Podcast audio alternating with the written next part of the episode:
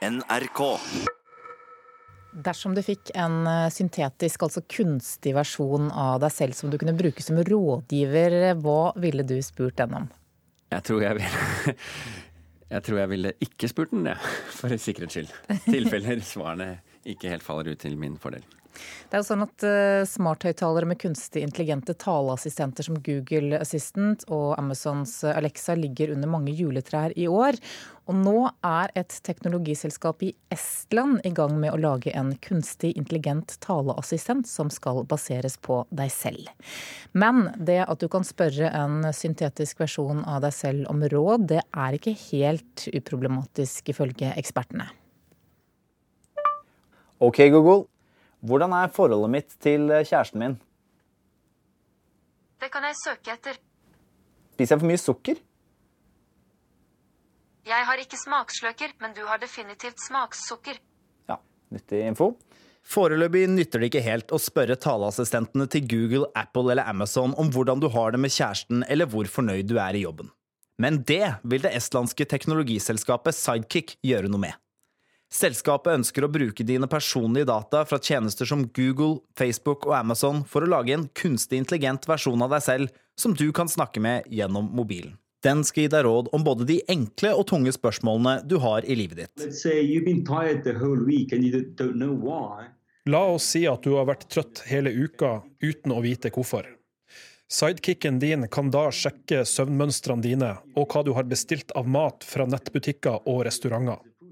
Da kan den f.eks. finne ut at du spiser for mye sukker og får insulintopper midt på natta. Det sier administrerende direktør Johannes Tammegend i Sidekick. Dine personlige data inneholder mye informasjon du selv ikke er klar over. Såpass mye at teknologiselskapene kan spå hva som vil skje i livet ditt før du vet det selv. For eksempel om du er gravid, eller farlig nær et samlivsbrudd dersom man samler, og, og, du takker ja til at de skal få lov til å samle veldig mye data om det, så kan de nok gi deg ganske mye råd. For da vet de hva du har handlet, de vet når du går og legger deg, de vet hvor du beveger deg. Så det er ikke urealistisk, men jeg tror eh, det er en stund til du har en, en kunstig intelligens-versjon av deg selv som du virkelig kan, eh, kan snakke med og rådføre deg med. Det sier teknologijournalist Eirik Solheim i NRK Beta. Den teknologiske utviklingen fra Sidekick kan påvirke din personlige utvikling, tror professor Einar Duenger Bøhn ved Universitetet i Agder. Hvis du bare får dine egne råd, så skaper det et slags skrekkeksempel på et ekkokammer eller en dårlig loop. da. Du ser deg selv i speilet hele tiden, og da blir det du får råd fra og tenker på, det kommer fra ditt fortidige jeg, altså ditt gamle jeg. Det du har etterlatt deg før. Og det man ofte ønsker, er sant, å se litt fremover òg. Altså, hva kan jeg gjøre av nye ting som ikke ville på sånn jeg var før? Sidekick sier teknologien de nå bygger vil utvikle seg kraftig de neste årene.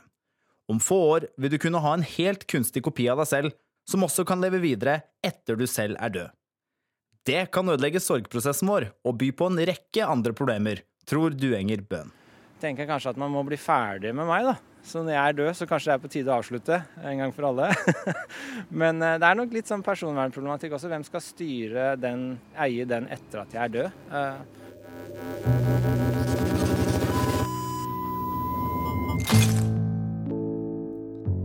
Dette virker kanskje som hentet ut av en episode av science fiction-serien Black Mirror. Men science fiction er blitt virkelighet før, påpeker Solheim. Noen ganger så er det jo ting som, eh, som, så ut som science fiction som vi allerede har klart. En del ting eh, innenfor ansiktsgjenkjenning og avansert billedbehandling. er Sånn som vi så i science fiction-filmene for 10-15 år siden, men som vi nå kan gjøre. Mens akkurat denne typen intelligens er nok science fiction en stund til. Foreløpig kan du imidlertid slappe av. Den kunstige intelligensen er ikke helt der ennå. Bør jeg bytte arbeid? Beklager, jeg skjønner ikke hva du mener. Bør jeg bytte jobb? Ja. Søkte han opp eh, baby til jobb. Ja, reporter her var Øystein Tronsli Drabløs. Den norske filmen 'Sonja' har kinopremiere første juledag. Her skildrer regissør Anne Sewitsky kunstløp og filmstjernen Sonja Hennies oppturer og nedturer i Hollywood på 1930- og 40-tallet. So you're telling me America wants to see the girl next door again? If she's the greatest skater in the world, yes. Let's start with a four-picture deal. Man tror kanskje at historien om Sonja Hennie handler om suksess på skøyteisen og på filmlerretet, og det gjør den til dels, men den handler òg om personlige nederlag, feilslåtte satsinger og mellommenneskelige relasjoner under press. Alt det her skal filmen Sonja romme, og regissør Anne Sewitsky har absolutt ikke forsøkt å lage et klassisk Hollywood-eventyr. Til tross for god kvalitet på det filmatiske, er det tidvis litt vanskelig å la seg engasjere av historien, fordi lignende konflikter og utfordringer er skildra mange ganger før, samtidig som få av figurene vekker spesielt mye sympati. Særlig gjelder det her hovedpersonen. Ine Marie Wilman spiller Sonja godt som en sta og sjølopptatt diva som kaster seg ut i eventyr hun kanskje ikke har anlegg for å mestre. Filmen gir få svar på hva som drev hun, og hva som lå bak de vidløftige ambisjonene, men tegner et nyansert og kontrastfylt bilde av mennesket bak den glamorøse fasaden.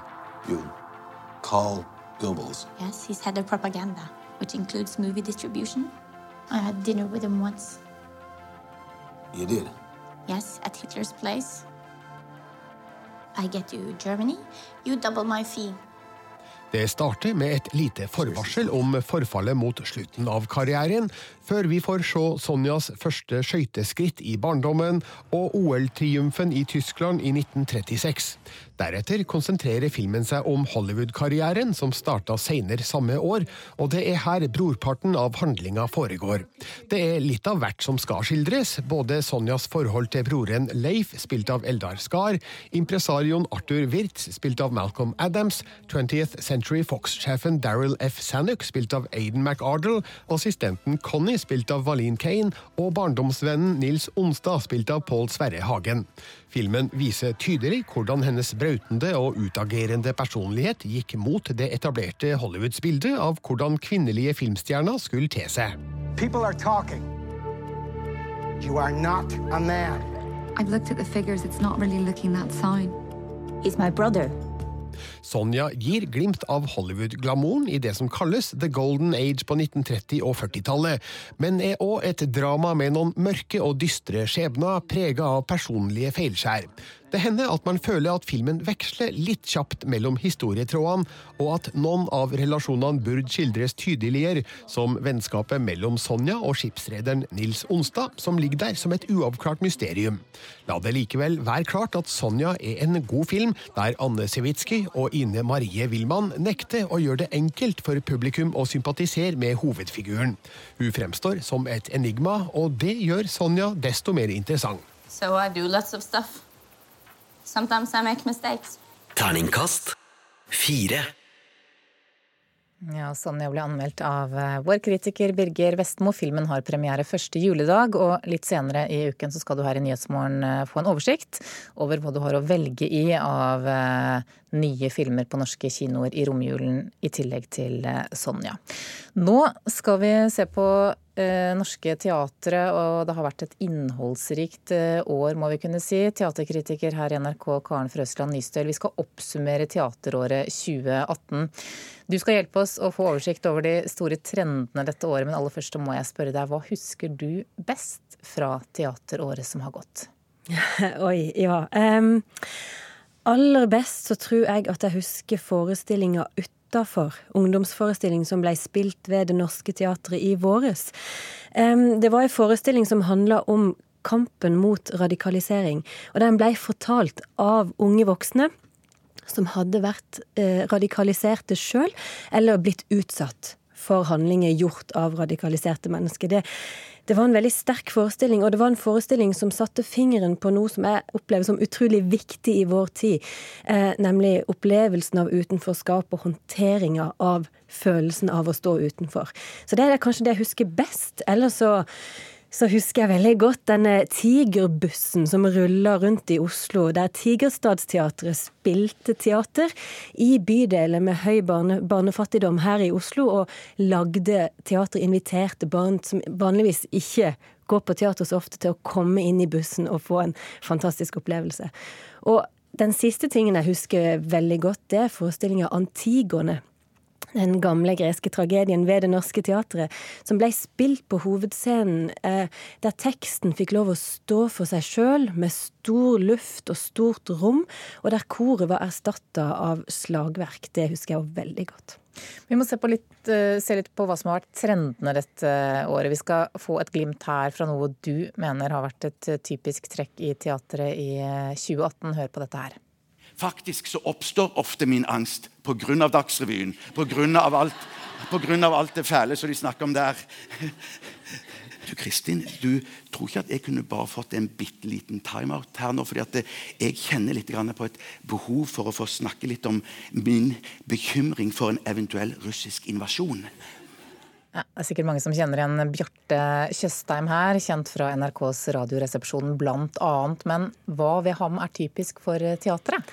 Det som er typisk, er at en rekke kjendiser har inntatt teaterscenen med personlige forestillinger eller personlige show, der de forteller om problemer eller vanskeligheter eller egen oppgave vekst. Og det har skjedd mange ganger. Det starta i januar med Rune Andersen sin Lykke liten. Han vokste jo opp i et hjem der, der uh, far drakk, og han ble slått. Uh, så det er jo en form for ja, dokumentarisk teater, kan vi kanskje kalle det. Men det er òg i sterk grad følelsesladde fortellinger og bekjennelser som kommer fra scenen. Else Kåss Furuseth har snakka om selvmord i nær familie, og Linda Eide har snakka om mor si i Bergen. Og, og Bjarte Tjøstheim har fortalt eh, åpent og, og, og, rått på en måte om sin store angst. Så det er, det er det er forestillinger folk gjerne vil se. Det selger veldig mye billetter. Men som teater så syns jeg det har vært av varierende kvalitet. Det er prisverdig med denne åpenheten, men hvordan virkemidlene brukes, hvordan man skal se det som, som teater, står de der som privatpersoner eller skuespillere. Det er mange ting der som jeg syns er vanskelig, og forestillingene har vært sånn midt på treet, stort sett, syns jeg da. Vi skal videre til noe annet som har eh, preget teateråret. Du prøver å gå fra bestemora di. Du må ikke gå fra bestemora di.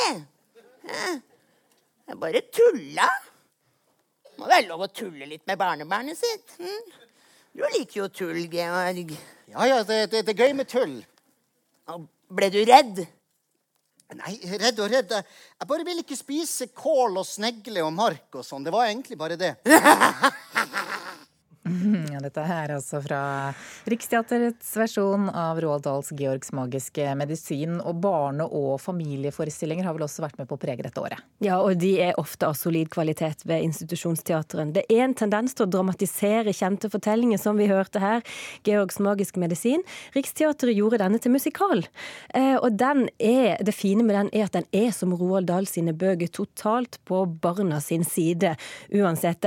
Fins det et problem, så er det de voksne voksne som har det, og ikke barna. Ellers så har andre fortellinger som Mio min Mio og Lars er LOL, en, en ganske ny juniorroman, blitt vist ved Barneteatret vårt.